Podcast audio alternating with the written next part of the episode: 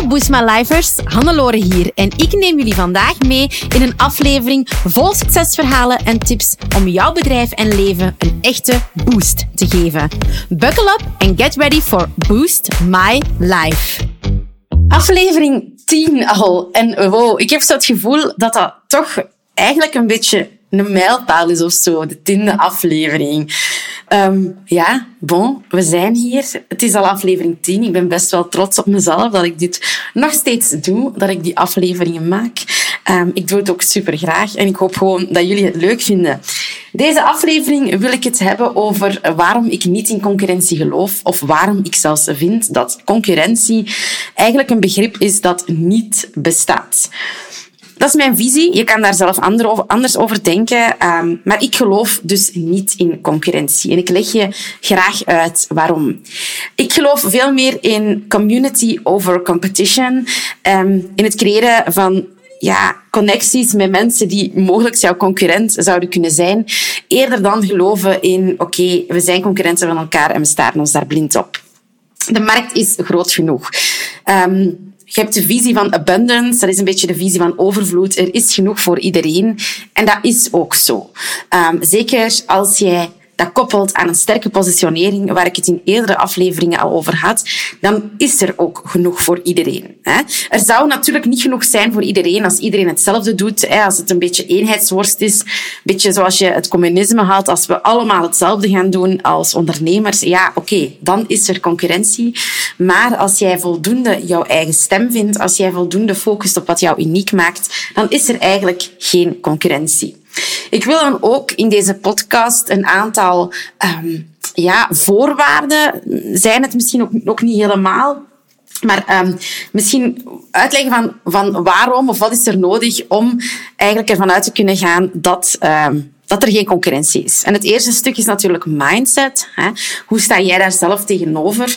Kijk jij vaak naar collega's, naar collega's? Ga je vaak kijken wat dat zij doen? Of neem je daar afstand van en doe je gewoon je eigen ding? Erger jij je soms bijvoorbeeld aan collega's die misschien iets gelijkaardig op de markt brengen als jou of dezelfde social media post maken? Of kan je daar op een goede manier mee omgaan en kan je dat als een compliment gaan beschouwen?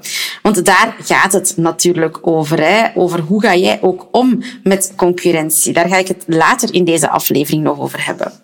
Ik wil nu eventjes uitleggen waarom ik niet geloof dat concurrentie bestaat. Ik heb al gezegd van er is genoeg voor iedereen, er is overvloed.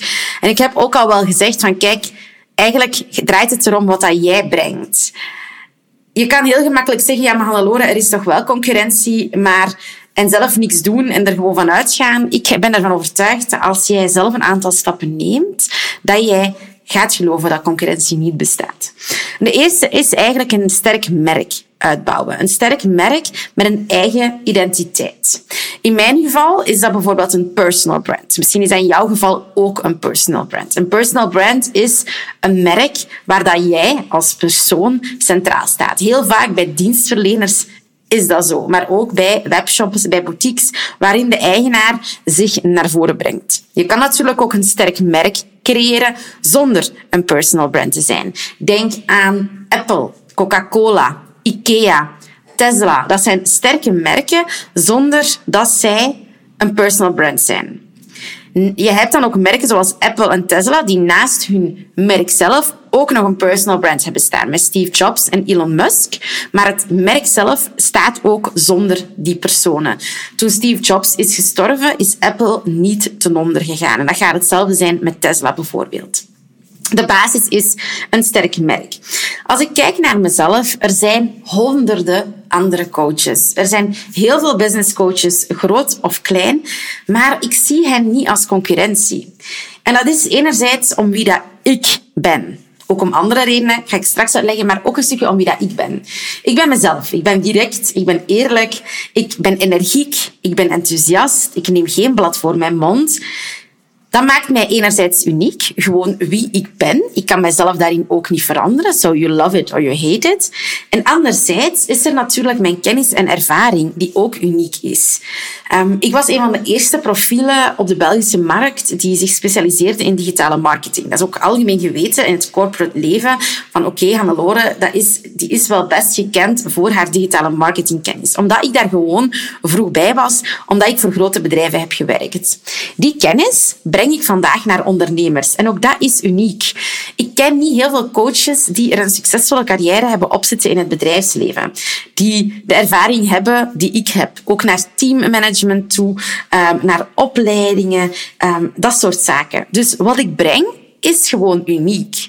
En doordat ik mij dan ook um, ja, als een sterk merk profileer, ik laat mezelf zien, mensen weten wie ik ben, op die manier kan ik dat eigenlijk ook naar buiten brengen en is er ook niemand zoals mij. En als er niemand is zoals mij, dan is er op dat vlak ook geen concurrentie, want dan ben ik uniek. En ja, gaan er mensen naar mij komen om wie ik ben? Ja. Gaan er daardoor ook mensen worden afgeschrikt? Wellicht ook ja. Maar dat is net goed.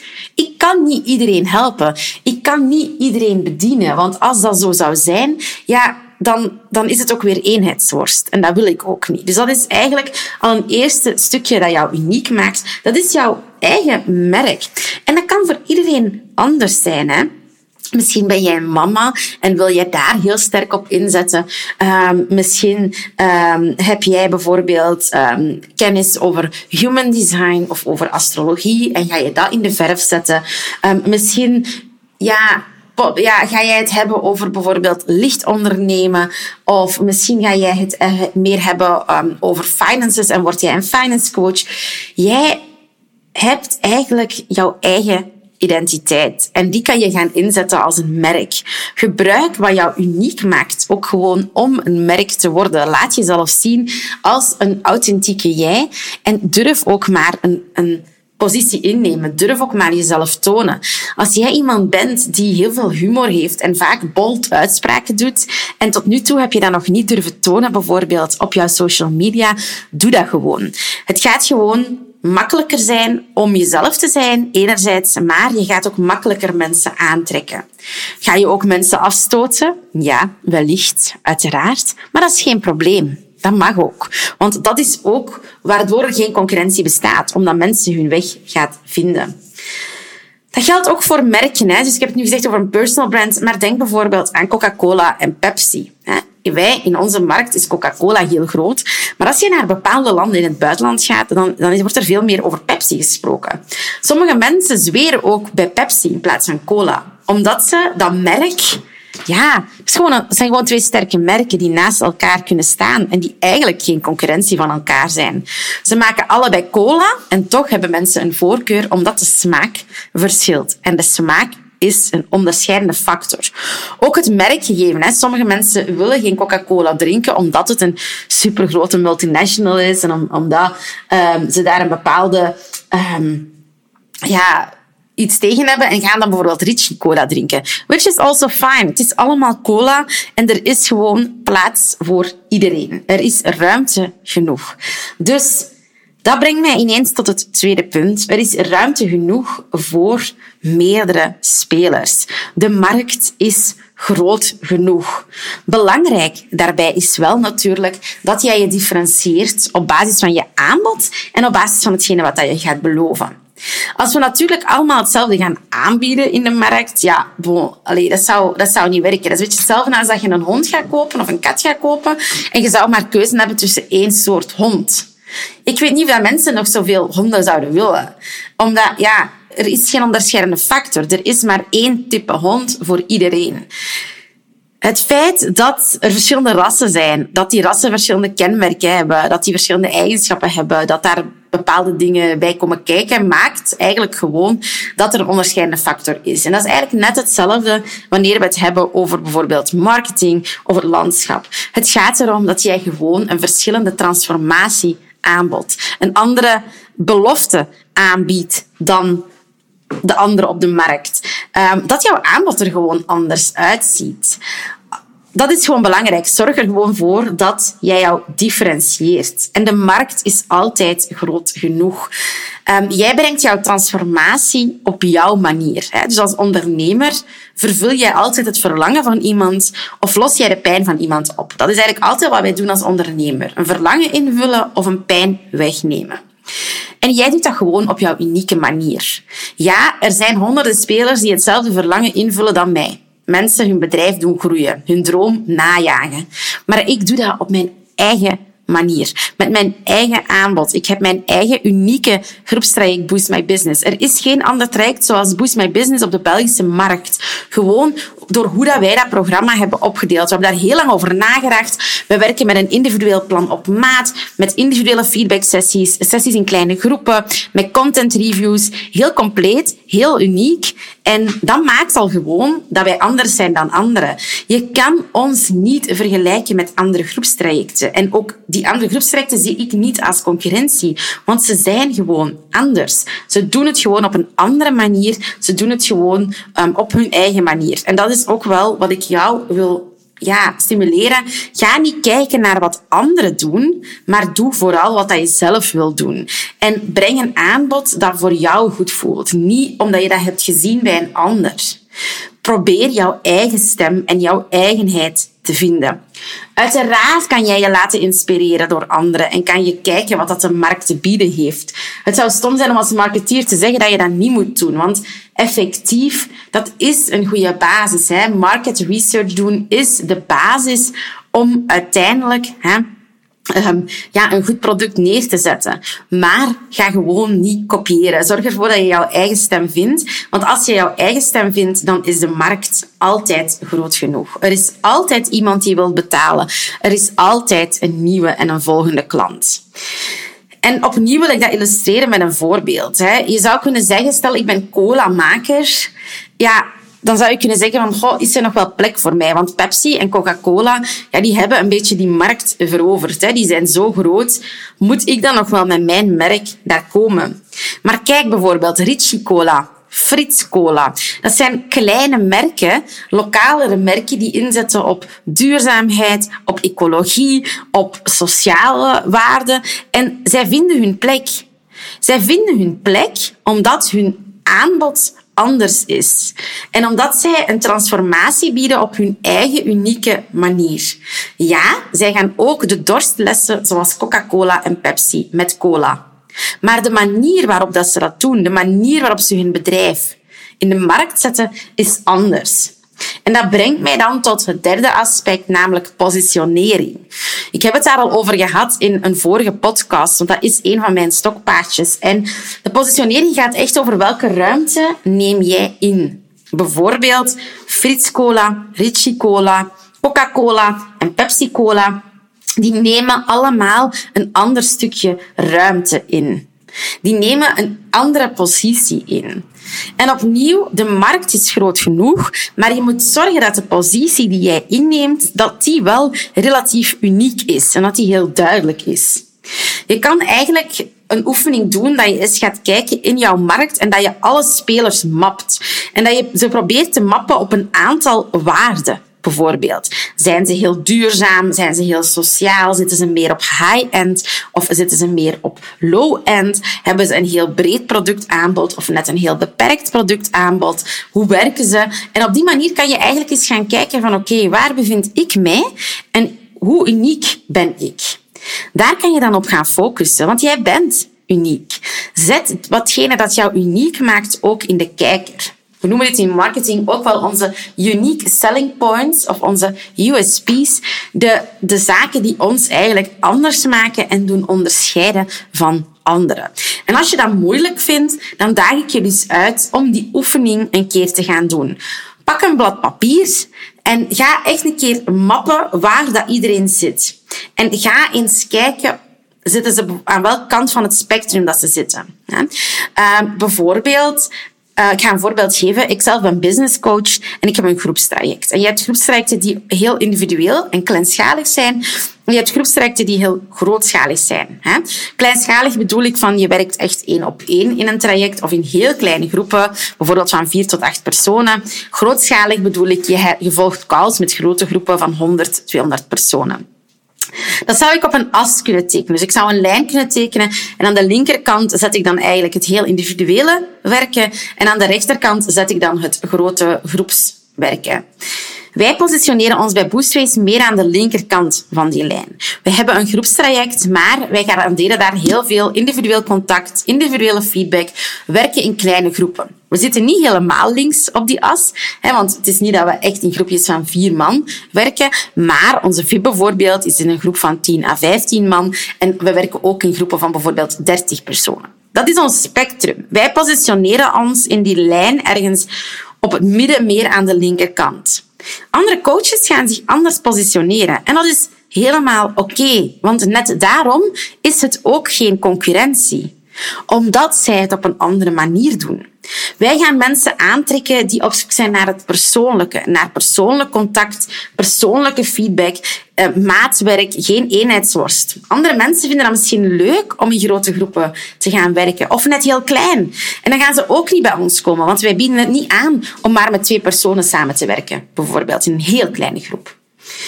Doe wat jou uniek maakt en focus op jouw uniekheid en breng jouw authenticiteit naar voren. Concurrentie bestaat dus niet. En ik vat nog even samen waarom. Eén, het gaat om het positioneren en het brengen van een sterk merk. Twee, er is markt genoeg voor iedereen. Er is ruimte genoeg, zolang je maar een verschillend aanbod hebt en een verschillende transformatie brengt. En drie, jouw positionering en jouw uniekheid zorgen ervoor hè, dat jij anders bent. Nu krijg ik vaak de vraag van, ja maar Hannelore, je zegt dat wel, hè, van concurrentie bestaat niet en ik volg u in uw argumentatie, maar oh, ik, ik voel dat toch anders. Ik word een beetje lam of ik voel mij verlamd wanneer ik naar anderen kijk. Ik voel, ik vergelijk mij. dat is er. Als je dat van jezelf beseft, dan raad ik je aan om een aantal zaken te gaan doen. Je kan bijvoorbeeld mensen gaan ontvolgen. Je kan bijvoorbeeld de mensen waarvan je weet, oh, die maken mij onzeker, gaan ontvolgen gaan beperken, gaan dempen. Hetzelfde als jij niet wilt dat bepaalde um, mensen in jouw omgeving dingen van jou zien, beperk hen dan. Hè? Um, totdat je mindset sterk genoeg is om daarmee om te gaan. Maak het jezelf ook niet moeilijk. Het is oké om stappen te nemen die jou gaan helpen om eigenlijk niet te verlammen. Probeer te focussen op jouw eigenheid. Hetzelfde, je kan je inspireren door anderen, hè, maar ga hen niet kopiëren. Vind jouw eigenheid en denk niet, oh amai, ja, zo zou ik dat moeten doen, want zo ziet de markt eruit. Nee, jij maakt jouw eigen markt. En dat geldt op alle vlakken. Op het vlak van prijszetting, op het vlak van positionering. Durf maar doen wat dat jij wilt doen. Durf de prijzen vragen die jij moet vragen. Um, ik hoor dat ook vaak van, ja, maar ik kan toch die prijs niet vragen? Dan gaan mensen allemaal naar, naar anderen gaan, want mijn prijs is dan veel duurder. Hè? Er is een beetje oneerlijke concurrentie op de markt. Ook daar vraag jouw prijzen. Jij gaat een sterk merk neerzetten met een unieke positionering. Jij mag de prijs vragen die je moet vragen.